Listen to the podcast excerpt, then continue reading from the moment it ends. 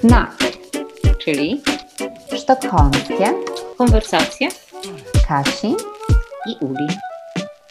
Witamy bardzo serdecznie i zaczynamy nasz znak. Dzisiaj, proszę Państwa, będzie o e, kryminałach, o historiach kryminalnych i oczywiście o szwedzkich kryminałach.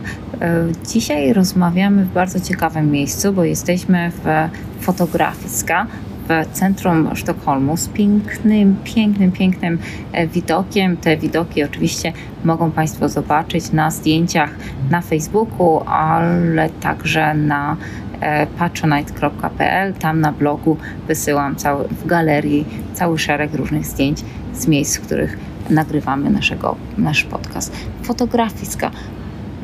Co to za miejsca? No to jest zupełnie e, rewelacyjne i bardzo unikalne muzeum fotografii, prywatne, które zostało założone w 2010 roku e, przez braci e, Jana i Pera Bromana. I oni mieli taki zupełnie inny pomysł na to, jak pokazywać fotografię i jak w ogóle stworzyć tego rodzaju instytucję. I na początku w sztokholmskim świecie kultury patrzono na nich z ogromną podejrzliwością, e, bo uznano, że to będzie jakieś dziwne, komercyjne miejsce, w którym jest dużo też mm, przestrzeni dla restauracji, w którym chcą organizować jakieś dziwne kursy fotografii e, i być może w ogóle mają zbyt wielkie ambicje, dlatego że powiedzmy sobie od razu, że to jest muzeum, w którym e, jednocześnie pokazywanych jest często 4, 5 pięć bardzo dużych, bardzo spektakularnych wystaw. W tej chwili widziałyśmy e, ich kilka, chyba nie zdążyłyśmy zobaczyć wszystkich tak, tylko, i były doskonałe. Tak przechodząc, a tak. za każdym razem kurator, y, kuratorsko jest to genialnie zrobiona impreza. Tak. E, I okazało się, że pomysł Bromanów zadziałał, e, że to muzeum stało się mm, no, takim miejscem, do którego ludzie przychodzą na tyle często, że jest sporo osób, które mają po prostu kartę tego muzeum i, i bywają w nim dosyć regularnie, nie tylko na wystawach, ale też na przykład w restauracji, którą w tej chwili widzimy przed sobą, która dostała nie tak dawno temu taką, takie oznaczenie, nagrodę najlepszej restauracji muzealnej świata. E, także takie rzeczy też tutaj są. E, I no, no ja uwielbiam to miejsce i, i, uważam, że ono jest bardzo inspirujące i tu jest dużo takich ciekawych pomysłów. Nawet to, że fotografiska jest y, otwarte późno, e, znaczy właściwie codziennie do późnych godzin nocnych, tak. Mm, poza okresem pandemii, kiedy trochę były skrócone godziny otwarcia, a nawet przez jakiś czas muzeum było zamknięte, ale normalnie fotografiska jest otwarta przez wszystkie dni e, roku z wyłączeniem Wigilii oraz Midsommar e, i z reguły do pierwszej w nocy. Także dla turystów, którzy chcą bardzo dużo zobaczyć, no to to jest to miejsce idealne, że tu można przyjść i o 9 rano i można przyjść w poniedziałek, kiedy inne muzea są zamknięte. Fotografisko po prostu zawsze e, zaprasza. E, I ja tylko powiem o jeszcze jednej rzeczy, która zawsze mi się z tym muzeum kojarzy. Bo kiedy pisałam książkę o Sztokholmie, e, Sztokholm miasto, które tętni ciszą, to zrobiłam e, wywiad z pracującą wówczas e, w tym muzeum polską kuratorką, Wiktorią Michałkiewicz. Mm, ona już tu niestety nie pracuje, bo, bo wróciła do Warszawy i ma inne ciekawe projekty, pisze także książki, ale w pewnym momencie była takim fenomenem. Już opowiadałyśmy parokrotnie o tym, że szwedzki świat kultury bywa dosyć homogeniczny i nie jest tym światem, do którego łatwo jest wejść osobie z zewnątrz, osobie z innego kraju, a tu nagle bardzo młoda jeszcze dziewczyna z Polski e, została kuratorką fotografiska, jedyną e, nieszwedką. I e, ona opowiedziała mi, jak doszło do tego. Jej historia jest niesamowicie inspirująca, i wiem, że dużo młodych ludzi, e, którzy tę książkę przeczytali, e, poczuło, że oni mogą też coś w swoim życiu niezwykłego zdziałać, kiedy przeczytali, co opowiada im Wiktoria. Bo ona mówi o tym, że jeżeli człowiek chce się rozwijać, to trzeba zawsze starać się uczyć od ludzi najmądrzejszych, najlepszych, od takich prawdziwych mistrzów, dlatego że cechą mistrzów, mistrzów jest to, że oni też chętnie dzielą się tym, co potrafią, właśnie z tymi ludźmi, którzy jeszcze nie potrafią wiele. I ona opowiadała o tym e, w mojej książce, że e, żeby zdobyć pracę fotografiska, dokonała kiedyś takiego dosyć wariackiego ruchu, a mianowicie na dużym festiwalu fotografii, na którym była, który się odbywał w Norwegii, zobaczyła gdzieś z daleka braci Bromanów, stwierdziła, Boże, to jest moja jedyna szansa.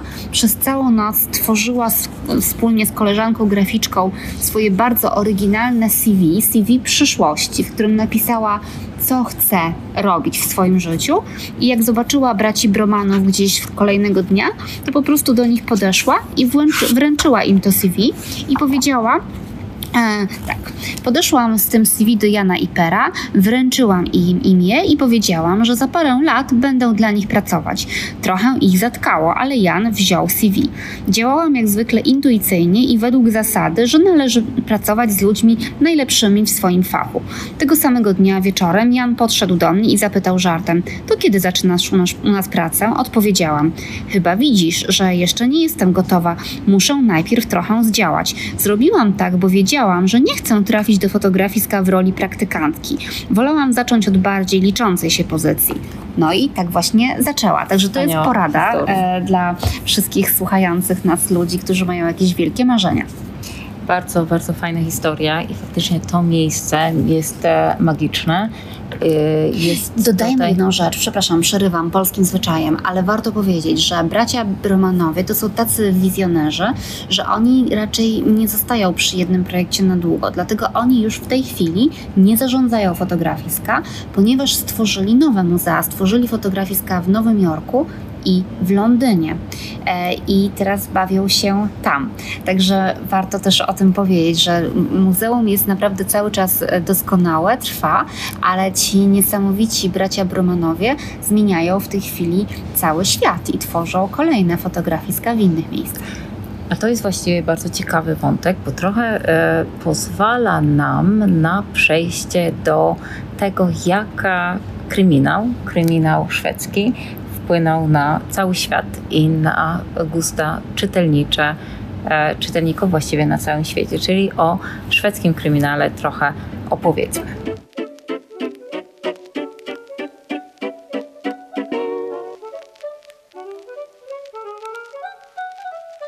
Szwedzki kryminał to jest e, fenomen, który właściwie wszedł już w, do słownika na całym świecie. Mówimy o szwedzkim noir, szwedzkim kryminale, szwedzkim crime story. E, właściwie jak to się zaczęło? Co się, co się wydarzyło? Dlaczego ten e, szwedzki kryminał stał się taki popularny? Co takiego jest w Szwecji? Jest szczególny charakter morderstw? Mhm. działań kryminalnych? E, ja myślę, że są dwa czynniki, które na to wpłynęły. Mhm.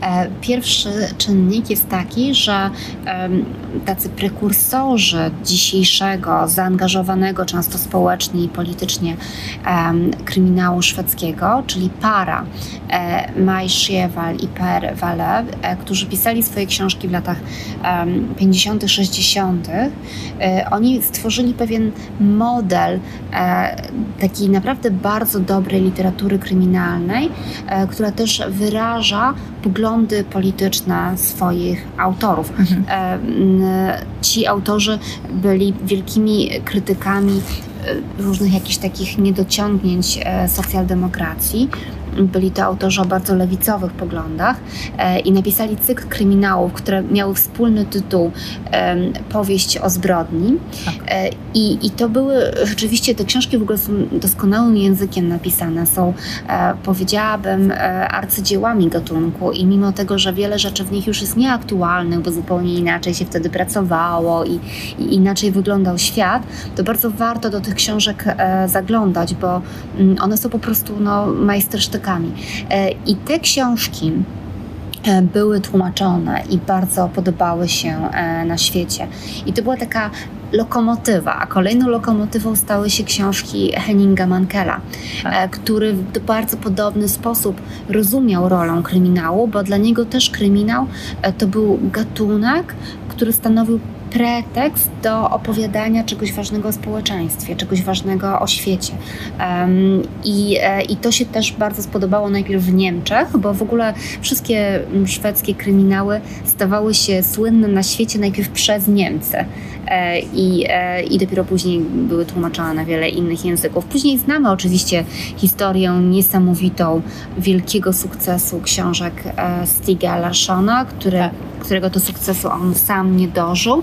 I u Stiga Larssona mamy bardzo podobną historię zaangażowanie społeczne i polityczne, feminizm, lewicowość, chęć opowiedzenia czegoś ważnego o człowieku i to wszystko zamknięte w ramy dobrze napisanego kryminału. Więc to jest jeden element, e, że dla Szw znaczy Szwedzi mam wrażenie zawsze traktowali ten gatunek dosyć poważnie. Nie tylko jako literaturę rozrywkową, chociaż te szwedzkie kryminały są niesamowicie wciągające i świetnie się je czyta. Tak, wydaje się, ale one coś więcej jeszcze wnoszą, tak. Ale druga rzecz, wydaje mi się, która jest bardzo ważna, to to, że e, świat, cały świat, w jakiś sposób od dawna jest Szwecją choć trochę, a czasami bardzo zainteresowany. E, I mamy do czynienia z taką tendencją do mitologizowania Szwecji. Ja często poruszam ten temat sama w moich książkach i do pewnego idealizowania Szwecji jako państwa opiekuńczego, idealnego socjaldemokratycznego kraju, kraju pięknej natury, gdzie takie blondynki w wiankach i harmonia i równouprawnienie i wszystko jest takie spokojne. A tutaj nagle pojawiały się w, od dłuższego już czasu książki szwedzkich autorów, które pokazywały, że w tych szwedzkich szafach jest poukrywanych pełno trupów, e, że tak naprawdę Szwecja nie jest idealna, że ma strasznie wiele problemów społecznych. I myślę, że ten kontrast pomiędzy mitem pięknego Bullerbin i opowieścią o tym, że tak naprawdę to, to jest zgnilizna i zepsucie, że to jest coś, co zafascynowało świat. Takie odkrywanie e, jakichś wstydliwych tajemnic e, społeczeństwa, które tak to znamy z Ikei i wygodnych samochodów i, e, i z tego wszystkiego, co jest jasne i mm, dobrze funkcjonuje i kojarzy nam się z wysoką jakością. E, także myślę, że w pewnym sensie szwedzkie kryminały zawdzięczają swoją światową popularność z jednej strony temu, że Szwecja, ten mały kraj, w jakiś sposób interesuje świat i to nie tak. od dziś, a z drugiej strony właśnie temu, że Szwecja była i do dzisiaj jest bardzo często idealizowana.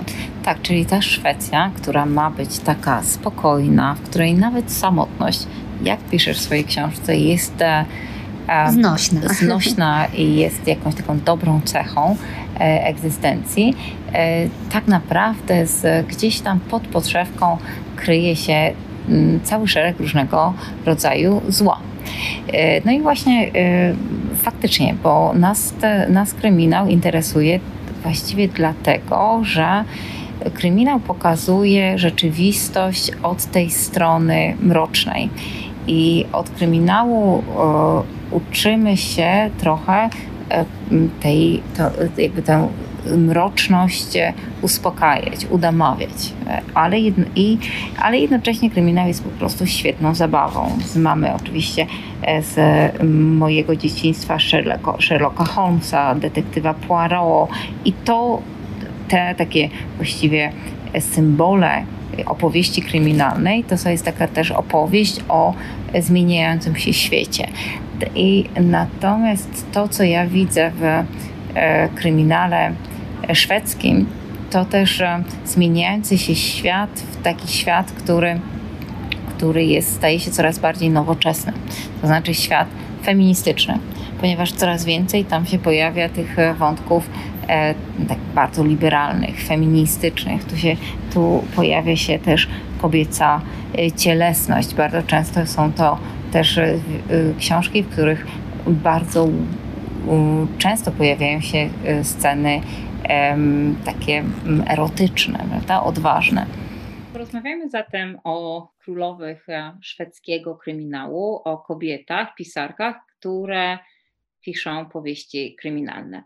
E, jest ich e, mnóstwo i bardzo, na pewno nie wymienimy wszystkich, ale kilka ważnych nazwisk, o których na pewno będziemy opowiadać, to jest Camilla Legberry i opowiemy troszkę o jej książce Złota Klatka, niedawno wydanej w Polsce, o Kamili Grebe, o której niedawno pisałaś, o Lisie Marklund, Viveka, Viveka, Vivece Stern Wiem. oraz o Wiem.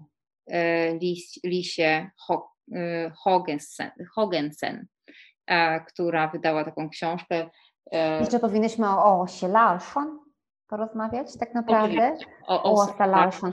Ale tak naprawdę e, to, czy my chcemy nazywać wszystkie te pisarki królowymi, chcemy w ogóle stosować tego typu um, określenia, bo ja mam wrażenie, i w sumie trochę o tym obie rozmawiałyśmy też, um, że, że w tej chwili w kryminale, także mm, polskim kryminale, dzieje się właśnie coś mm, niedobrego, e, także w związku z takim ciągłym poszukiwaniem tych koronowanych głów, e, i z reguły korona ma siedzieć na głowie E, tego autora czy autorki, który się najlepiej sprzedaje.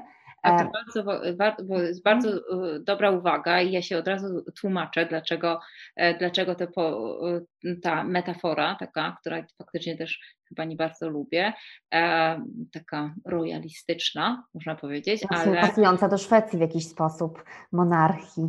Mm. Tak ale e, to, są, to, to jest metafora, która pojawia się w wielu, e, na, na, na okładkach e, wielu książek, na, na wielu stronach internetowych i, i od czasu do czasu koronuje się albo jedną, albo drugą pisarkę. Dlatego tak trochę ironicznie postanowiłam sobie to tutaj przywołać. Ja też zresztą użyłam tego słowa robiąc wywiad e, z Camillą Grebej, pisząc o niej, między innymi z tego powodu, że to jest taka autorka, która w Polsce w ogóle nie została jeszcze odkryta, mimo że już sporo jej książek zostało wydanych przez wydawnictwo Sonia Draga, a jest to autorka niezwykle inteligentna, wydaje mi się, że jej książki mają jakąś taką głębię e, dobrej prozy obyczajowej, a czasami e, mają nawet wymiar epicki. Więc gdybym ja miała komuś nasadzać koronę na głowy, to na pewno koronowałabym tych autorów, którzy mm, rozszerzają granice gatunku. Ja jestem trochę, trochę zła na to, że kryminał coraz częściej E, staje się naprawdę tylko i wyłącznie literaturą sensacyjną, a moim zdaniem to jest jakieś niezrozumienie możliwości tego gatunku, e, mhm. no, który, który jest tą taką wielką powieścią realistyczną, jeżeli jest dobrze zrobiony. A ja myślałam, żebyśmy opowiedziały o paru książkach, właśnie w takim kontekście tego, co mówiłaś e, dużo wcześniej, to znaczy w kontekście tego, że kryminał jako powieść, ale też jako gatunek, który jednocześnie jest bardzo skonwencjonowany, ale też ma dużo możliwości bycia takim e, sposobem komentowania e, bieżącej polityki albo historii, sposobem komentowania też ideologicznego, jakimś takim narzędziem ideologicznym. Ja myślę, że te e, pisarki kryminałów szwedzkich bardzo często właściwie uczestniczą w pewnej dyskusji. Ja dzisiaj chciałabym, żebyśmy porozmawiały o tym, na ile one są feministyczne, na ile to ten e, szwedzki feminizm, równouprawnienie e, tam się pojawia, a na ile jest w zasadzie krytykowane, bo ja mam taką tezę, że w wielu książkach pojawia się w jakiś sposób taki resentyment, w którym pojawia się, e, pojawiają się takie dyskusje, głosy o tym, że feminizm ma też jakieś negatywne e, strony i że społeczeństwo nie było przygotowane do e, feminizmu, a że bardzo często feminizm też e, upraszcza albo jest bardzo, jest, jest jakąś przemocą wobec kobiet, które nie chcą nie chcą być równouprawnione. Mm, to jest ciekawe, co mówisz e, i przepraszam, że Ci przerwę, e, bo od razu zdradzę jedną tajemnicę, że w wywiadzie, który zrobiłam z Kamilą Grebe i który w formie pisemnej został opublikowany w takim portalu Smak Książki, polecam, Ale ten wywiad w formie pisemnej jest troszeczkę krótszy i troszkę inny od tego, e, o czym rzeczywiście rozmawiałyśmy, dlatego że ja potem jeszcze z nią się trochę kontaktowałam, jakoś uzupełniałam tę rozmowę, a pewne rzeczy, które e, nie wydawały mi się szczególnie interesujące, do niej nie weszły. E, I między innymi nie ma w tym wywiadzie czegoś, co Kamila Grebe mi powiedziała, że ona nie czuje się feministką. Mnie to bardzo zaskoczyło, dlatego że, że w Szwecji no, jeszcze niedawno e, mam wrażenie, że w ogóle nikt nic takiego nie powiedział, ale moim zdaniem to jest tylko e, pewien symptom jakby kolejnego etapu debaty to znaczy, ja myślę, e, że to nie do końca jest tak, aczkolwiek domyślam się, że być może udowodnisz mi, że nie mam racji, ale ja nie, ja nie sądzę, że to jest tak, że te autorki kryminałów e, są mm, nagle jakoś bardzo konserwatywne albo nie rozumieją osiągnięć feminizmu. I na przykład dla mnie ostatnia wydana w Polsce powieść Kamili Grebe Łowcy, Łowca Cieni jest w dużym wymiarze powieścią emancypacyjną i powieścią feministyczną, dlatego że to jest książka, która mówi między innymi o tym, jak zmieniała się sytuacja kobiet w szwedzkiej policji przez ostatnich no, 70 prawie lat. I to jest szalenie ciekawe uzupełnienie jakiejś nieznanej historii kobiet. I w tym mhm. sensie to jest bardzo feministyczne. E, ale na pewno nie jest tak, e, że Grebe, która moim zdaniem naprawdę bywa feministyczna w niezwykle ciekawy sposób. Jest e, jej najnowsza powieść, która jeszcze nie wyszła po polsku, która ma tytuł Alla Jüger, Wszyscy kłamią. Jest bardzo kolejnym interesującym kryminałem, w którym jest sporo wątków erotycznych i na przykład uważam, że te wątki są poprowadzone w niezwykle ciekawy i bardzo feministyczny sposób. Ale u niej ten feminizm nie jest feminizmem mm, takim sztandarowym. świadomym, sztandarowym, nie jest założeniem, ona, ona w jakiś sposób chce być bardzo obiektywna i, i, i może nie chce, żeby wpływało na nią cokolwiek w jakiejś e, sfery ideologicznej, ale ja, ja naprawdę myślę, że to jest po prostu następna, następny etap dyskusji o sytuacji w ko kobiet, mhm. to z czym mamy do czynienia w Szwecji.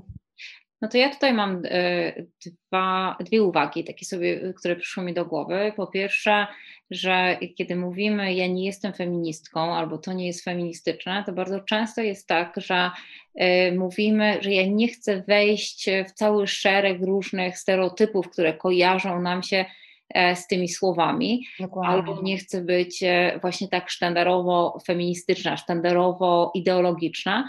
E, co, co, co ja zawsze traktuję z takim lek, lekkim pobłażaniem, chociaż nie bardzo mi się to podoba, ponieważ feminizm ma cały szereg różnych kolorów, różnych e, e, przejawów, i, a ja zawsze uważam, jak mówiła Susan Sontag, że każda kobieta, która idzie do wyborów, albo która przynajmniej może iść do wyborów, a która może powiedzieć: Ja nie idę do wyborów i to jest mój wybór, jest już feministką, bo e, te, to, jest, e, to jest osiągnięcie e, ruchu emancypacyjnego, ruchu feministycznego. Mm.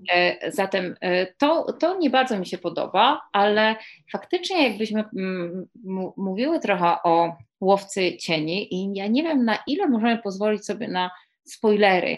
Dużo nie moim zdaniem, bo ja bym bardzo chciała, żeby nasi słuchacze sięgnęli do tej książki, bo to jest taki e, ciekawy i zupełnie inny kryminał, więc ja uważam, że powinnyśmy, jeśli spoilerować, to tak dyskretnie, nie Dobrze, ja postaram się spoilerować bardzo, bardzo dyskretnie, ale ja mam wrażenie, że Łowcy Cieni i gdyby oceniać feminizm e, Kamili Greby po łowce, e, łowcy cieni, to faktycznie ma, jest tam jakieś takie bardzo e, negatywne, może nawet nie negatywne, ale sceptyczne podejście do historii feminizmu, ponieważ tam pojawia się taka teza, że nie wszyscy mężczyźni byli gotowi na to, że społeczeństwo bardzo szybko, prawda, w, w, w, na przestrzeni kilkudziesięciu lat zmieni się tak drastycznie, że wszystkie kobiety dostaną właściwie taką um,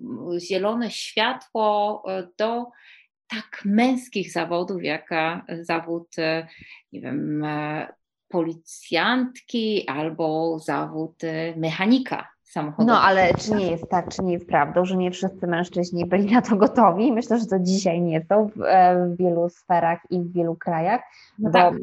Ale pokazuje, jak kobieta, kobiety są dyskryminowane na, na komisariacie, jak e, pracowniczka w latach 70. pracująca e, Brit Marie, e, wykształcona, przygotowana do tego, by być policjantką, e, no jest po prostu w straszliwy sposób mobowana przez swojego szefa, który robi z niej e, taką e, sekretarkę robiącą tylko notatki, właściwie nie daje jej nawet brać udziału w zebraniach, e, traktuje ją dużo gorzej niż kole, jej kolegą, który ma takie same wykształcenie jak ona.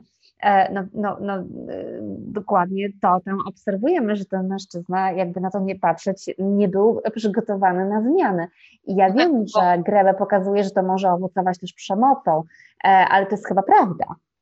No tak, to za, nie fajna, ale ja myślę, że, że na, na tak wyraźne zmiany, to, ja, to znaczy to chyba nie jest jakieś wielkie, wielkie, wielkie odkrycie, że oczywiście to, to spowodowało wielki szok dla, jakbyśmy to nazwali, tkanki społecznej, prawda? Że, że y, mężczyźni, którzy przy, byli, y, byli przyzwyczajeni do tego, i ja tu oczywiście nie mówię do, do, jak, przeciwko jakiemukolwiek konkretnemu mężczyźnie, ale do pewnych mechanizmów, które możemy nazwać męskimi, prawda? Że mężczyźni przygotowani do tego, że wśród ich e, ich podwładnych będą sami mężczyźni, nagle mają kobietę, jest to dla nich szok, prawda? I że historia e, równouprawnienia kobiet w życiu zawodowym jest historią właśnie takich męskich zaskoczeń.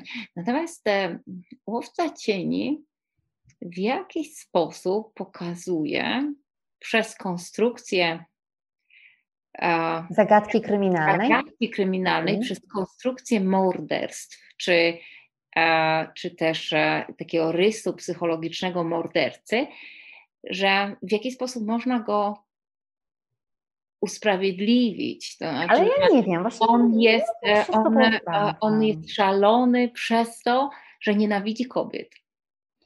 No tak, ale ja myślę, e, że akurat e, po pierwsze, jak patrzymy na w ogóle statystyki e, wszelkich przestępstw, no to mm, kobiety bardzo często są ofiarami przestępstw właśnie dlatego, że jest bardzo wielu mężczyzn, którzy nienawidzą kobiet. No myślę, że gwałt jest takim przestępstwem, który jednoznacznie pokazuje, e, no jakiś na pewno może to być też wielki problem z własną seksualnością, może być to wielki problem z własną agresywnością, ale na pewno w tym wszystkim jest jakaś nienawiść do kobiet i ta nienawiść do kobiet może rodzić się z tego, że ktoś miał trudne dzieciństwo, tylko ja nie sądzę, e, że mm, to cokolwiek usprawiedliwia, dlatego że mamy całą masę ludzi na świecie, którzy mieli bardzo trudne dzieciństwo i potem nigdy nikogo nikogo nie zgwałcili ani nie zamordowali, tak? Ale, ale, e, ale na pewno jest tak,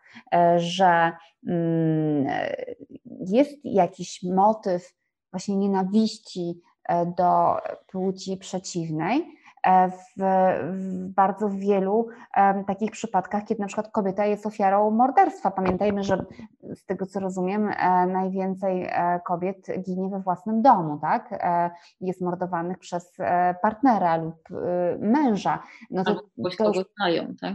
Tak, więc to też pokazuje, więc ja, ja, to oczywiście jest trudno um, się z tym pogodzić, ale to jest jakiś fakt, że tak to wygląda.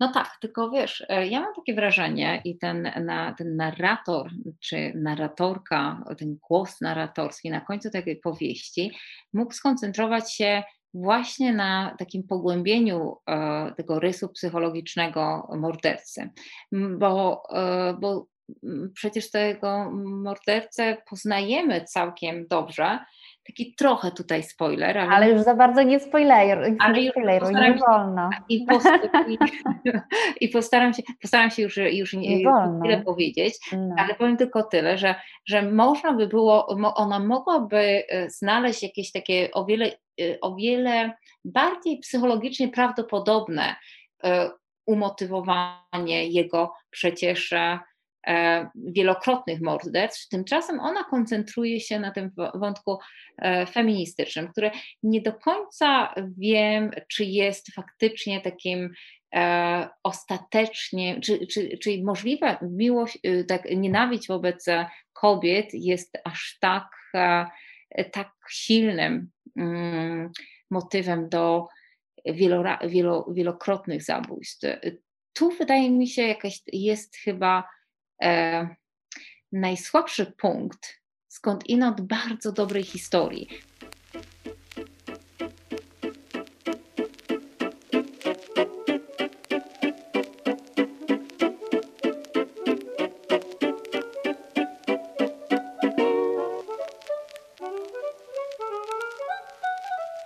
Ten kryminał jest e, niezwykle ciekawy, jak, tak jak mówisz, jako historia policjantek w policji.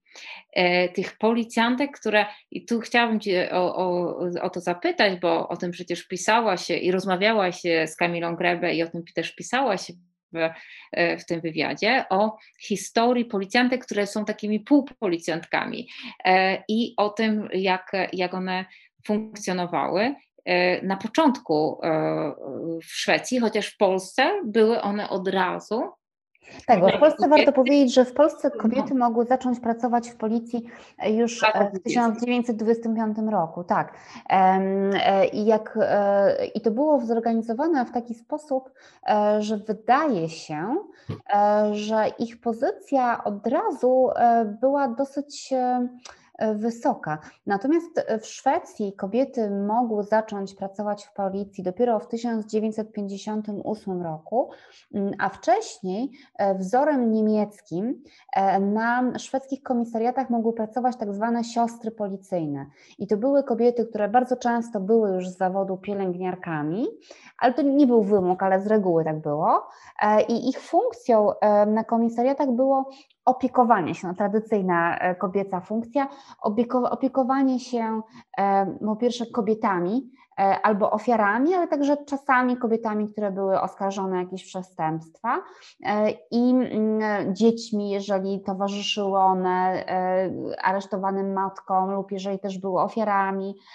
I miały być w ogóle takimi istotami, e, które właśnie wnoszą te różne tradycyjnie kobiece cechy do e, bardzo męskiego zawodu, ale jednocześnie nie miały e, żadnych takich praw jak e, policjanci oczywiście nie mogły nosić broni, w ogóle nie, nie był to w żaden sposób prestiżowy zawód. E, ciekawe jest to, że Grebe pokazuje także. E, Właśnie że... przerwę Ci przez chwilę. One bardzo długo nie mogły nosić broni, miały tylko pałki przy sobie, prawda? Tak. Tak, i właśnie ciekawe jest też to, że później jak kobiety zaczęły pracować e, w policji, e, to e, bardzo długo jeszcze trwały debaty, czy na przykład mogą jeździć samochodem policyjnym. Były argumenty, że jeżeli kobieta policjantka będzie siedziała koło prowadzącego radiowóz mężczyzny, to może jej uroda odwrócić jego uwagę i doprowadzić do wypadku. I przez tego typu dyskusje w szwedzkich mediach w latach 70. jeszcze kobiety nie mogły e, pracować e, na ulicy, kierować ruchem albo właśnie jeździć radiowozem. Był taki okres, kiedy to było e, niemożliwe. I, i, i w ogóle ciekawe jest to, Grebe pisząc ten swój kryminał zrobiła ogromny research i między innymi naprawdę bardzo uważnie czytała prasę lat 60., 70.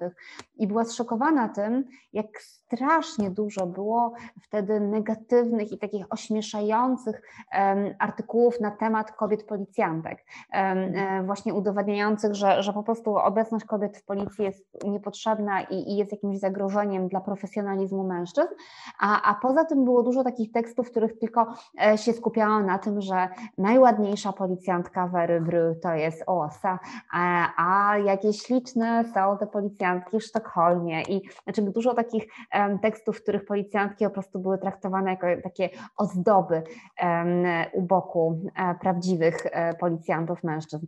To jest niezwykle ciekawe i to jest jeszcze jedna historia, która potwierdza, że Szwecja to jest taki kraj, który się bardzo szybko potrafi zmieniać i potrafi się zmieniać w sposób radykalny. E, bo ja sądzę, e, no nie zrobiłam takich badań, e, ale domyślam się, że tego typu dyskusji nie było w tamtych czasach w polskiej prasie. A, a, a jednak no, dzisiaj można powiedzieć, że status kobiet w sytuacjach wszelkich zawodowych w Szwecji jest jednak, myślę, pewniejszy i, i wyższy, tak przeciętnie niż w Polsce. Ja mhm. tylko przerwę Ci tutaj, że oczywiście w Polsce ta historia, ta, ten, ta, ten rozwój historii jest trochę inny, to znaczy, że Polska, jak cały kraj, wszystkie kraje komunistyczne, były kraje komunistyczne, miały, te, miały taki feminizm ideologiczny, taka, takie równouprawnienie. No, nie kobiety na traktory. Tak. zainstalowane, prawda? Mm. Więc ten, ten e, wątek takiego wprowadzenia e, emancypacji e, czy równouprawnienia w danych, w danych zawodach był takim niemalże w jakiś sposób no, za pomocą państwa, prawda? niemalże konstytucyjny, można by było tak powiedzieć.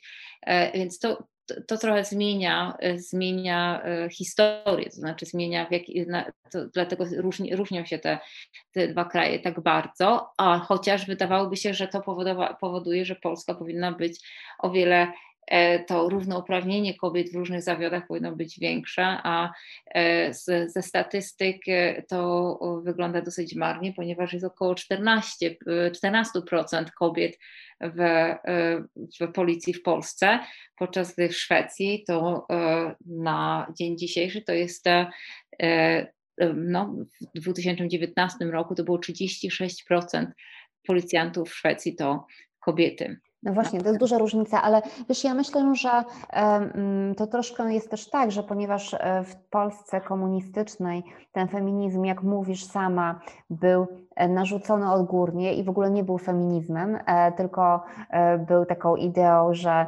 tutaj lud robotniczy musi e, równo e, pracować i, i, i właśnie e, były różne hasła dotyczące tego, że kobiety mogą wykonywać także prace fizyczne, ale temu w ogóle nie towarzyszyła dyskusja na temat sytuacji emancypacyjnej w domach. Te polskie kobiety z traktorów E, szły do garów e, i gotowały, podczas gdy ich mężczyźni nie mieli tych samych e, obowiązków. I ja myślę, że to, co się stało w Polsce, no nie, nie tylko ja myślę, bo było to oczywiście opisywane wielokrotnie, to, to, to nawet po 1989 roku chyba bardzo silny był taki ruch w części społeczeństwa w stronę myśli, że teraz kobiety mogą wybrać wolność bycia w domu, prawda? Bycia nierównouprawnioną, e, tylko zostać w domu z dziećmi. E, to jest bardzo ciekawa różnica, o której czasami się e, zapomina, a ja myślę, że ona ukształtowała współczesną Polską w dużej mierze. Absolutnie, to znaczy to jest bardzo ciekawe i to jest pewno temat na jakiś osobny znak. E, ale e, ja tutaj tylko zaznaczę, że być może łatwo teraz myśleć, że o, to było e, narzucone odgórnie, to było straszne, nie było dyskusji, ale myślę, że ta dyskusja była, była cały szereg różnych kobiet, kobiecych czasopism, kobiecych magazynów, bardzo często bardzo poważnie traktujących i piszących właśnie w taki popularny sposób, ale o potrzebie zmiany e, światopoglądowej i e, też trzeba pamiętać, że to od lat 50. jest bardzo silny rozwój instytucji żłobków, co teraz, proszę Państwa, w Polsce jest jakimś wielkim, to znaczy Państwo to wiedzą lepiej niż my tutaj ze Szwecji, wielkim problemem, ponieważ żłobków oczywiście brakuje. I, a i żłobek jest taką instytucją, to, to przedszkole takie od pierwszego roku życia, gdzie tutaj w Szwecji jest właściwie dla każdego, Mm. Nie, chciałam tylko powiedzieć, tak przerwać nam na chwilę, bo wyszłyśmy sobie, jak to lubimy robić, w wielką dygresję, ale właśnie to pokazuje, e, że kryminały, o których e, rozmawiamy, e, mają taką siłę, jeśli są dobre, wpychania nas na tory myślenia o społeczeństwie. O historii. I dlatego i o historii, i o, o różnych przemianach. Na przykład w ten sposób e, pisał moim zdaniem doskonałe kryminały, wspomniany już w tym e, odcinku Henning Mankell. E, I ja na przykład dlatego cenię Grebę, że zobacz, ona powoduje, możemy się z nią zgadzać lub nie zgadzać, uważać, że jest feministką lub nie, ale, e, ale zaczynamy dyskutować o sytuacji kobiet. E, I mnie taki rodzaj kryminału jako czytelniczkę satysfakcjonuje. Natomiast mam właśnie problem mm, z dużą liczbą dzisiaj kryminałów, które są po prostu w jakiś sposób puste, jeżeli chodzi o, o, o ten ładunek realizmu i jakiegoś takiego zaangażowania społecznego którym, w którym y, właściwie chodzi tylko o jakieś rozwiązanie pewnej zagadki, prawda? że której bez, tak. bez jakiejś e, ciekawe, ciekawego zaangażowania w kontekst polityczny, ideologiczny, historyczny, e, kulturowe. Czasami no. chodzi też o perwersję przemocy, tak bym to określiła, dlatego że to jest bardzo silna tendencja i to właśnie często w kryminałach pisanych przez mężczyzn, także, także Skandynawów. Ja na przykład y, wiem, że doskonałym autorem jest Norweg Ju Nesbe, ale nie jestem w stanie go czytać, bo jego książki są już po prostu tak przerażające i krwawe, że ja e, umieram e, ze strachu. E, I też mm, no, odczu- ja, ja uważam na przykład, że epatowanie nadmiarem e, przemocy względem kobiet, e, to jest e, też forma jakiegoś wręcz antykobiecego działania. I, I znowu za to cenię sobie Kamilę Grebę, że na przykład w Łowcy Cieni mamy do czynienia wprawdzie z seryjnym mordercą, który w dosyć bestialski sposób morduje młode kobiety, w dodatku młode matki, ale Grebe nie opisuje tej przemocy w taki sposób, e, który mógłby świadczyć o tym, że ona, nie wiem, rozkoszuje się jakiś, e, na jakimś poziomie e, okrucieństwem. A moim zdaniem dzisiaj w kryminale jest bardzo dużo takiego rozkoszowania się opisem przemocy i, i to wydaje mi się całkowicie niepotrzebne i niedobre tak, jakkolwiek ta przemoc u Kamili Grebe w Łowcy Cieni jest szczególnie dramatyczna. Ale ona jednak jest pozostawiona naszej wyobraźni w dużej mierze. Ona nie jest, um, to znaczy my wiemy, co tam się dzieje, ale to nie jest opisane w sposób tak dosłowny, e, że odczuwamy, e, że to jest na nas gwałt, jako na czytelniczkach. Przynajmniej ja tak. Masz rację, policjantka zawsze odwraca się, policjantka zawsze nie mhm. chce widzieć tego ciała, Dokładnie. ale morderca z, z tą szmatą na, czy czymkolwiek, maską na twarzy, e, e, to muszę powiedzieć, było coś, co powodowało, że raczej po 22 już nie czytałam, nie doczytywałam tej książki. I zamykałaś okno na noc, zamykałaś tak, okno na noc, tak, czy tak? tak, tak ja też nie mogłam spać przy otwartym oknie, czytając tę książkę. Tak, bo faktycznie miałam tak samo i, i, i chyba już jeszcze mi zostało, jeszcze, za, jeszcze, jeszcze zasuwam żaluzję, bo żeby z tego mojego um, takiego właściwie leśnego ogrodu nie pojawiła się jakaś twarz E, mhm. przez maskę, czy być może pończocha. Tego nie wiemy. Faktycznie nie ma tych takich bardzo drastycznych e, opisów. Ale Łowca Cieni Kamila Grebe serdecznie polecamy, bo to faktycznie ciekawa, e, ciekawa pro, propozycja. Dodajmy może jeszcze jedną rzecz, że Grebe to jest autorka, która zbiera strasznie dużo nagród w Szwecji i jej poprzednie książki też te nagrody zbierały. Na przykład e, taka książka, która w Polsce nosi tytuł e, Dziennik mojego zniknięcia. E, zarówno tamta powieść, jak i Łowca Cieni otrzymały nagrodę najlepszego kryminału roku Szwedzkiej Akademii Kryminału, ale otrzymały także e, nagrody najlepszego e, kryminału skandynawskiego.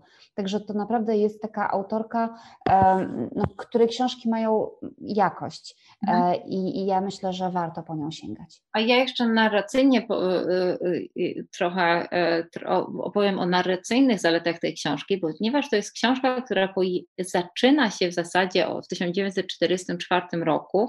Jest to pierwsza e, pierwsze morderstwo, ale gdzieś tam e, uciekamy gdzieś trochę wcześniej, a kończy się teraz, prawda? Więc to jest e, dosyć trudnie, trudna konstrukcja, z którą tych zmian, przemian, z którą E, e, Grebe sobie radzi doskonale, ponieważ one nie tylko, to nie, nie tylko są jakby takie opowieści o kolejnych policjantkach, ale one się nawzajem przenikają, jest tam, jest, pojawiają się wspólne wątki.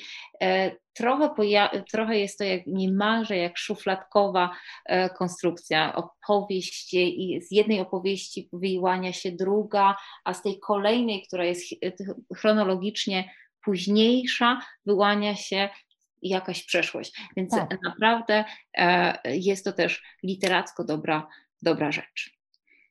No mhm. dobrze, Katarzyna, ja mam e, teraz e, kilka mm, kwestii takich, takich właśnie dość krytycznych wobec tych kryminałów, krytycznych, jeżeli chodzi o ich femi, feminizm, czy bycie właśnie takim. Lojalnymi względem kobiet? Może tak, lojalnymi wobec może nie tylko kobiet, ale też wobec sprawy. Bo mam takie wrażenie, kiedy patrzę na e, trochę i na łowcę cieni, jak wspomniałam, ale też w imię prawdy Viveki e, Stern albo Złotej Viveki Stien, przepraszam, że cię poprawię. O, przepraszam. E, e, Złotej Klatki Kamili Lackberry, czy e, mam wrażenie, że, że tam w nich pojawia one przede wszystkim są feministyczne w takim sensie, że główne bohaterki bardzo często są E, policjantkami albo prokuratorkami, w jak, nie tylko są ofiarami, ale są tym, należą, do nich należy ta, ta, też ta, ten, ten pierwiastek e, działania, agency. E, bardzo często tam pojawia się też kobiece ciało, kobieca seksualność, okres, menstruacja, ciąża, balansowanie między pracą a życiem prywatnym. Często pojawia się ten wątek też relacji z dzieckiem i właściwie taka empatyczne podejście do dziecka jest też bardzo wyraźne. W, oczywiście, jeżeli tu, to pojawia, pojawia się też dekonstrukcja i też takie społeczne uwrażliwienie na e, pedofilię. I mam wrażenie, że jak czytałam te e, kryminały, że to jest taki wielki problem w, w szwedzkim społeczeństwie, ponieważ pełno pedofilii dookoła, ale to jest też ta, ta warstwa taka pedagogiczna takich, e, takich powieści, które uwrażliwiają czytelnika na potencjalne niebezpieczeństwo, straszne niebezpieczeństwo. A przede wszystkim pojawia się przemoc wobec e, kobiet, chociaż e, nie jestem pewna, czy to jest, czy to wszystko, o czym powiedziałam, to są tematy feministyczne. Mhm. Hmm, to jest bardzo ciekawe. Wiesz co, ja mam wrażenie, e, że to, co dzieje się e, z kryminałami takich autorek jak na przykład Kamila Legberg, e, która przypomnijmy jest dzisiaj najlepiej sprzedającą się szwedzką autorką i która od dłuższego czasu stara się na dużą skalę podbić rynek amerykański, co jest niesamowicie trudne mhm. nawet dla autora e, szwedzkiego. E, I ja myślę, e, że, że tutaj po prostu takim bardzo ważnym czynnikiem jest czynnik no właśnie komercyjny, jakiś mhm. rodzaj konformizmu, jakiś rodzaj próby sprostania gustom już nie tylko szwedzkim, ale w ogóle międzynarodowym, co od razu prowadzi do e, wprowadzenia takich elementów, myślę, może bardziej e, tradycyjnych ewentualnie. A poza tym Legber jest jako postać troszkę, mam wrażenie, niejednoznaczna, dlatego że ona to jest, to jest autorka, która zarobiła ogromne pieniądze na pisaniu i która właściwie stała się E, biznesmenką angażującą się w szereg różnych projektów, czasami bardzo kontrowersyjnych, e, na przykład e, taką dużą sieć prywatnych klinik, która jest za szereg różnych rzeczy niezwykle w Szwecji krytykowana. I, ja mam wrażenie, że, że, że to jest kobieta, hmm, ona się bardzo różni od Lisy Marklund, która też zrobiła duże pieniądze na pisaniu, mm, ale właśnie mam wrażenie, że zachowała jakąś taką na przykład lewicową duszę może, e, a, a, a e, to jest e, jednak przede wszystkim dzisiaj celebrytka, e, biznesmenka, e, osoba, która zrobiła no, taką dużą podróż klasową, powiedziałabym, no bo sama pochodzi z małego e, miasteczka, mieszka dzisiaj w Sztokholmie, należy do takiej absolutnej elity finansowej tego miasta. Ja myślę, że w niej po prostu nie ma dzisiaj miejsca na takim poziomie psychicznym na takie zaangażowanie e, społeczne, o którym e, ty myślisz. Mhm. E, ja myślę, że ona po prostu w ogóle jest w tej chwili w jakiejś innej trochę sferze i o co innego walczy, nawet jeżeli pisze o kobietach. Mhm. To bardzo ciekawe, bo jej książka Złota Klatka jest w takim, w takim, w takim w tej kontekście, o, tym, o czym mówiłaś, jest w jakiś sposób e, autobiograficzna, albo ma takie autobiograficzne tropy, w którym główna bohaterka a przyjeżdża z małego miasteczka i chce zrobić karierę, chce mieć duże pieniądze i ona faktycznie wymyśla e, trochę ze złości na mężczyznę, czy na mężczyznę, który ją zdradza i porzuca, wymyśla e, tak taką serię kosmetyków, które się nazywają rewanż, revenge. I, e, i ta złość kobieca na, e, na mężczyzn jest jednocześnie takim sposobem na e, stworzenie takiej solidarności kobiecej, co też jest dosyć podejrzane. Ale ja mam w ogóle wrażenie, jak tak przyglądam się tym, tym kilku mm, kryminałom, że pojawia się w nich coś, co ja nazywam takim migotliwym statusem, statusem, statusem kobiet jako równouprawnionych członków społeczeństwa. No bo zobacz, na przykład w tej e, Vivika e, Sten e, i jej w imię prawdem. Tu pojawia się, wszystkie kobiety walczą o prawo do kariery, ale wszystkie są jakoś mało empatycznie po, Na przykład Nora Linde jest, jakąś, jest doskonałą e, prokuratorką, odnosi sukcesy, ale jej prawdziwym sukcesem jest to, że jej ukochany zdąża na ich ślub, chociaż miał mało, miały na to szanse. I naprawdę jej prawdziwym osiągnięciem jest ten ślub na końcu powieści. Spoiler, pi, pi, pi a zatem i to jest osiągnięcie jej życia, źródło prawdziwego szczęścia. Przeczytawszy, pomyślałam sobie, e, naprawdę? Jest tam na przykład bohaterka Osa, która jest również porzuconą kobietą, porzuconą przez z, i który traktuje ją bardzo źle i ona żąda zadośćuczynienia finansowego ale to zadość, to, to, to właśnie żądanie jest potraktowane przez narratorkę w sposób niezwykle mało empatyczny, ponieważ robi się z niej zołzę, która po prostu chce tylko pieniędzy i właściwie emocjonalnie y, robi się z niej współuczestniczkę zbrodni. Hmm. Bardzo to hmm.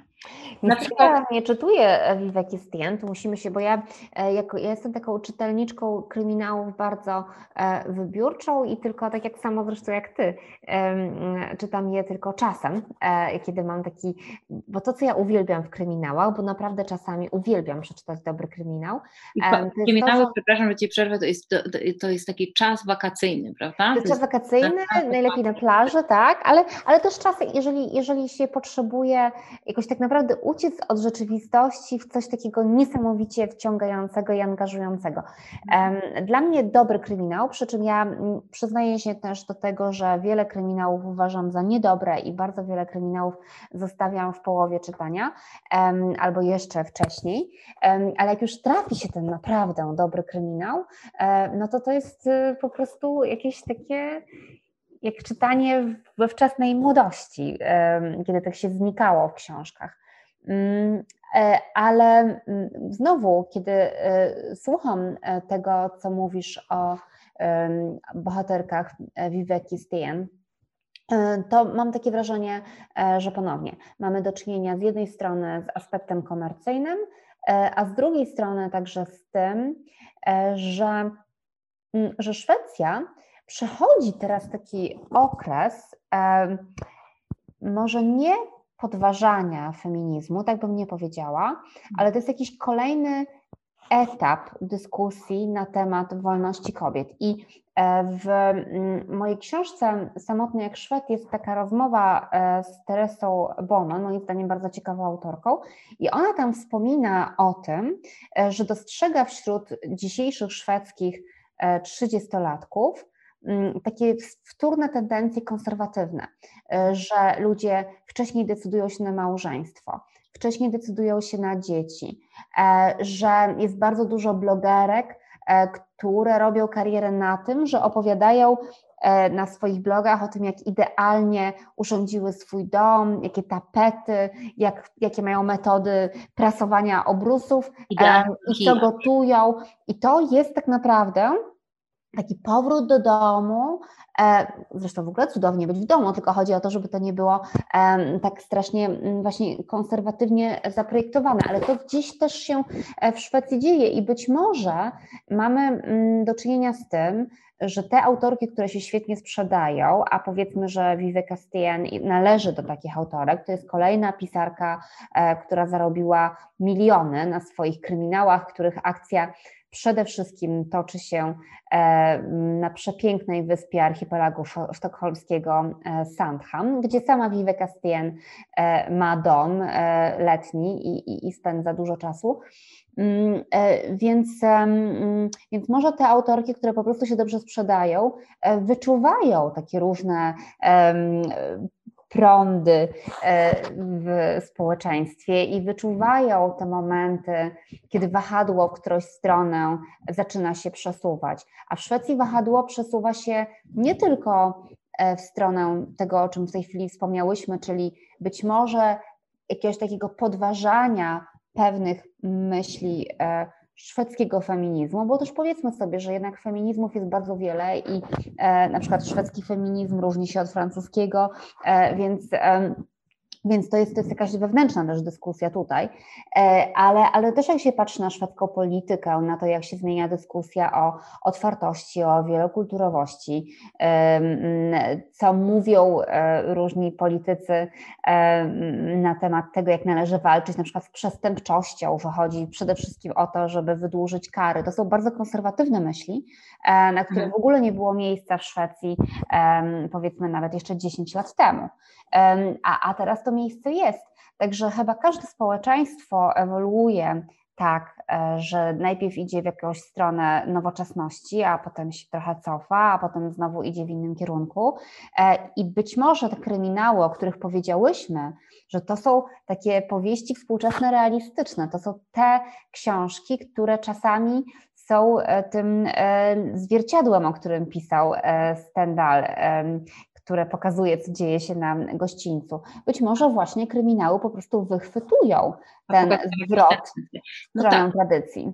Ale jeżeli tak jest, to ja e, jestem dosyć sceptyczna i e, chcę, e, chcę, powiedzieć, żebyśmy bardzo uważali na to, jak jest, jak jest to pokazywane, ponieważ i Złota Klatka, i w imię prawdy, i oczywiście Łowca Cieni to są, to są ciekawe rzeczy, i które, które faktycznie warto przeczytać. I, i które czytał, ja czytałam z Mm, z, z zaciekawieniem, już nie mówiąc o tym, że to faktycznie są takie trochę wakacyjne, wakacyjne rzeczy, ale e, takie tendencje, które, tendencje konserwatywne są e, bardzo dla mnie rozczarowujące. Jednym z najbardziej rozczarowujących, e, rozczarowujących jest głos narratorski, te narratorki, jak podejrzewam, które są jednocześnie bardzo negatywnie nastawione wobec kobiet, innych Ale kobiet. tak, u Kamili Grebe nie jest, nie zgadzam się, bronią Kamili Grebe, a może gdzieś indziej to znalazłaś? Powiedz, no tak, ja, ale ja mam wrażenie, że even, nawet u, e, u Kamili Grebe pojawia się ten wątek takiego, takiego zrozumienia tego, że kobiety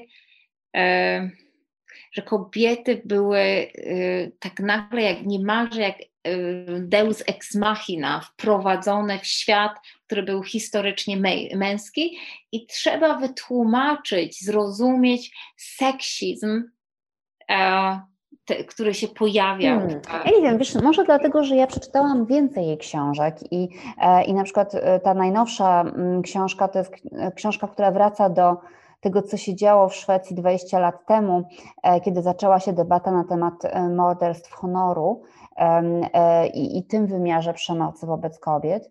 Mm, I to jest książka, która moim zdaniem w bardzo ciekawy sposób no tak, ale różne nie formy przemocy omawia. Więc ja, ja mam wrażenie, że ona ma naprawdę taki silny w sobie um, zmysł emancypacyjny, natomiast ona a przynajmniej femi- a, czy, czy, czy po prostu taki zmysł jednak stania po stronie kobiet. Natomiast ja, ja po prostu odbieram inaczej ten przekaz łowcy cieni niż ty. I być mhm. może czegoś nie zauważyłam, ale mnie się nie wydaje, że ona stara się w jakiś sposób pokazywać, e, że. Mm, e, że pojawienie się kobiet y, w policji na przykład było tak dużym problemem, że może to usprawiedliwić pewne e, męskie zachowania. Ja myślę, że ona po prostu opisuje, jak się zmieniał świat i jak to wpływało na ludzi i um, co się działo w głowach także tych, którzy byli psychopatami albo byli całkowicie nieprzystosowani do e, społeczeństwa. Ja ją tak czytam, ale wiesz, nie upieram się. Ale e, wśród e, psychopatów to, to jest nie tylko morderca, morderca, ale też szef policji, nie? No tak, tak, na pewno. Zresztą podobno wielu szefów jest psychopata, psychopatami, także tutaj akurat znowu jest to jakaś celna obserwacja i ten, ten szef policji, który umiera i wciąż z tą, z tą nienawiścią do kobiet, która przecież ona miała być, e, miała zostać e, sekretarką, czy tak. e, czymkolwiek on ją tam chciał widzieć. Jednym z trudniejszych do przełknięcia mm, wątków różnych E, kryminałów jest jednocześnie kobieta, która ocenia inne kobiety. I ja tutaj znowu odnoszę się do złotej klatki, w której jest e, dosyć słabo skonstruowana główna bohaterka, Fej. E, spoiler straszliwy, ale tutaj pewno mi pozwolisz, która jest jednocześnie głównym bohaterem i osobą, którą przez którą poznajemy świat, z którą się bardzo zaprzyjaźniamy, e, która jest zresztą przyjeżdża z Fielbaki, ale ona, ale to już nie jest ten wątek właśnie tego małego miasteczka, bo w, przyjeżdżamy do Sztokholmu. E, powieść, e, ta, ta powieść kryminalna jednocześnie przenosi nas w różne takie sztokholmskie miejsca. Ale co cię razi w e, tam takiego niefeministycznego? razi, że ta Fej, która nagle zostaje perfekcyjną panią domu, patrzy na inne kobiety z perspektywy właśnie seksistowskiej, e, komentując ich e, przyzwyczajenie do tego, że nie pracują i są takie zadowolone, chociaż sama to robi. Zresztą czasami w pewnym momencie ze złością mówi do swojej koleżanki, do swojej przyjaciółki, która chce ją jakby wyciągnąć z tego, e, z, te, z tego strasznego domowego e, e, pręgierza, mówi, że Szwecja jest hipokrytyczna, ponieważ nie pozwala kobiecie, albo kobieta nie może sobie pozwolić na to, aby się nią zaopiekował mężczyzna. Mhm nie wiem, dlaczego Szwecja nie może sobie y, na nie y, No wiesz co, ja tutaj, wiesz, ja bym teraz bardzo chętnie weszła w dyskusję na ten temat. Ale jeszcze ja uważam, że ten rodzaj robi. hipokryzji istnieje w Szwecji, aczkolwiek e, nie odnosiłabym tego do mm, właśnie tematu e, bycia e, czyjąś utrzymanką, ale, ale jednocześnie szwedzki feminizm jest rozumiany w taki sposób, E, że to równouprawnienie ma oznaczać, e, że na przykład e, mężczyzna nie pomaga kobiecie, nawet takiej niedużej jak ja, włożyć ciężkiej walizki w, w samolocie na półkę. A ja, będąc feministką, oczekuję, że jeżeli jestem w samolocie i szarpię się z walizką, to mężczyzna, który ma 1,80 m, po prostu bierze ją ode mnie i wkłada, bo ja nie uważam, że feminizm ma polegać na tym, że mężczyźni na przykład nie przepuszczają nas w drzwiach i nie noszą e, ciężkich siatek, ponieważ wiemy, że mężczyźni z reguły, bo to oczywiście nie tyczy się wszystkich mężczyzn, ale są od nas zwyczajnie silniejsi fizycznie. Ale, ale czy on tego nie zrobi, jeżeli go o to poprosi? Nie, ale właśnie to jest właśnie, to, jest, to są moje obserwacje, tutaj wchodzimy na poziom e, anegdoty, e, ale to jest w ogóle fascynujące. Ja miałam kiedyś taką dłuższą podróż, kiedy mm, miałam rzeczywiście dosyć ciężki bagaż, bagaż podręczny, dużo w nim było książek e, i leciałam najpierw e, e, ze Szwedami samolotem, potem z Niemcami i Duńczykami, a potem jeszcze z Polakami. I po prostu Szwed nie wstanie w takiej sytuacji, bo on się boi, że kobieta zareaguje negatywnie na to, że on jej stara się e, pomóc, dlatego że ona, że, że, że, że, to się może zdarzyć w Szwecji właśnie negatywna reakcja. Niemiec od razu wstaje i pomaga i, dużo Polaków też to robi. Ja zresztą przegadałam ten temat z moimi znajomymi e, Szwedami, także to nie jest wymyślone przeze mnie, bo ja ich pytałam i oni sami twierdzą, tak, tak, że ja to tak jest, że oni się boją. Natomiast ja nie hmm. oczekuję od mężczyzn takich nonszalancji i bycia rycerzami bez przed tym, zanim ich o tę, tę e, właśnie e, grzeczność poproszę. A ja nie, a, ja, a jak ja się z czymś szarpię, to ja oczekuję, że, e, że po prostu mężczyzna po prostu weźmie tę walizkę i mi pomoże. Tak, zdecydowanie. Podobnie jak kiedy byłam w ciąży, oczekiwałam, że jednak E, ustąpi mi się miejsca i muszę powiedzieć, bo ja się bardzo słabo czułam i mdlałam w ciąży oraz wymiotowałam. Było to już wiele lat temu, ale dobrze to pamiętam. E, I w Sztokholmie też mi nigdy nikt nie ustępował miejsca w meczu, ponieważ e, ja, ja na przykład tutaj się zgadzam, że to jest pewien problem, bo uważam, że feminizm nie powinien być tak rozumiany, że się całkowicie neguje E, różnicę fizyczną pomiędzy mężczyznami i kobietami, która ewidentnie występuje. To, że mężczyźni są, to, to, to, to jest także jeden z powodów, dlaczego kobiety często bywają, jak mówimy o kryminałach, ofiarami e, przestępstw dokonywanych przez mężczyzn, prawda? Bo jest im po prostu dużo trudniej się obronić, bo są słabsze fizycznie. Nie możemy, mówiąc o kobietach i mężczyznach, zapominać o tym.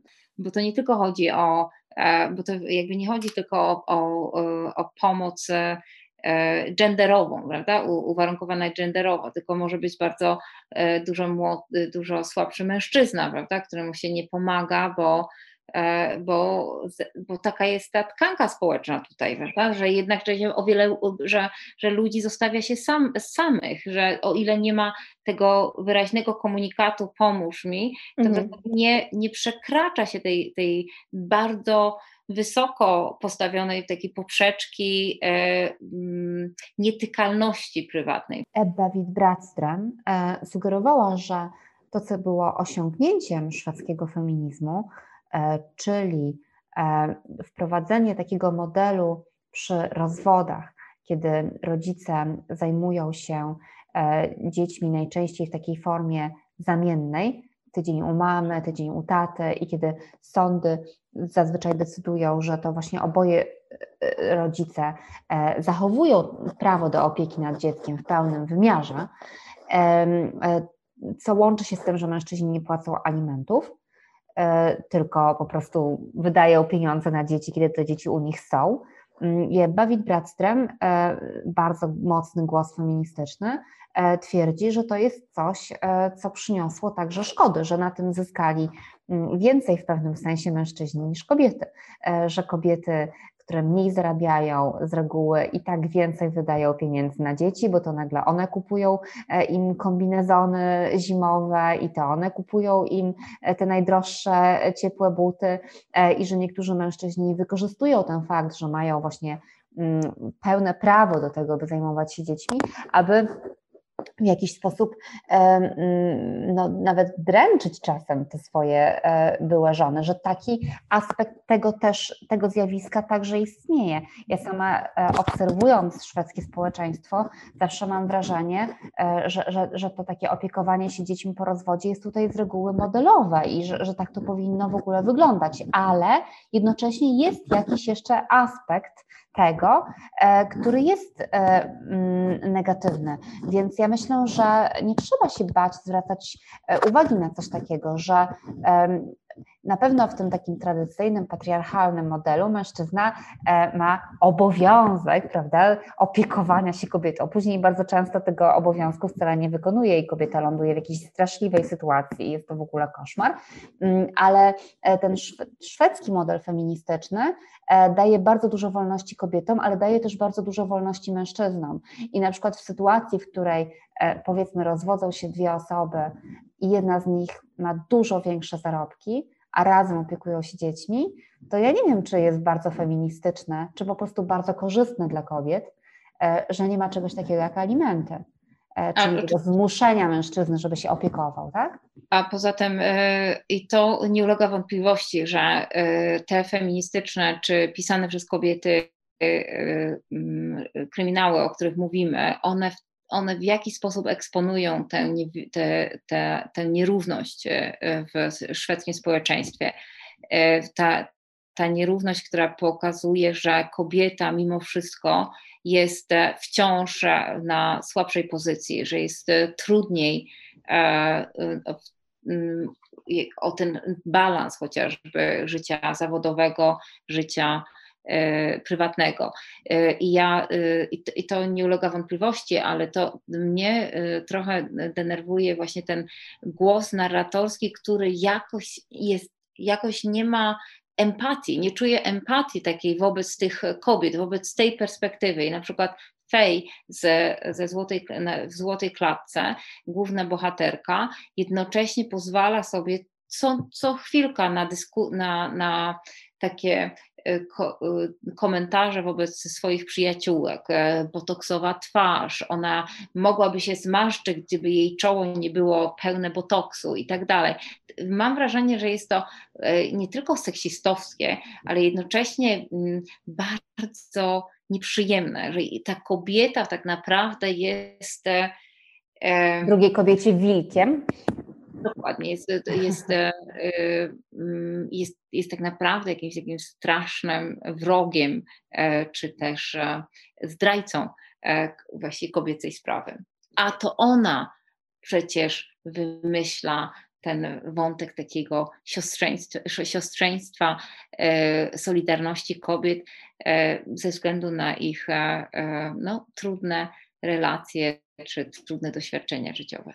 Wiesz co, ja nie wiem, myślę, że jak zwykle wpadłyśmy w milion dygresji, ale mam wrażenie, że udało nam się pokazać, e, że kryminał, lekki gatunek e, jest naprawdę e, pojemny i że warto czytać kryminały, mając gdzieś sobie takiego obserwatora przemian społecznych albo problemów społecznych, czasami tych uświadomionych i pokazywanych przez autora, a czasami być może takich problemów, które autor niejako pokazuje niechcący, mając inną intencję, bo mam wrażenie, mm, po tym jak przeczytałam parę wywiadów z Camillą Legbe na temat tej e, właśnie książki, e, że jej intencje były bardzo feministyczne, mm, a jednak wyłapujesz tutaj e, coś zupełnie innego, coś podprogowego, e, co być może wcale takie kobieco-solidarne nie jest.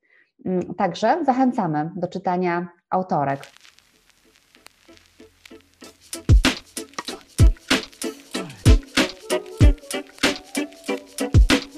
Znak, Na czyli sztokholmskie konwersacje Kasi i Uli.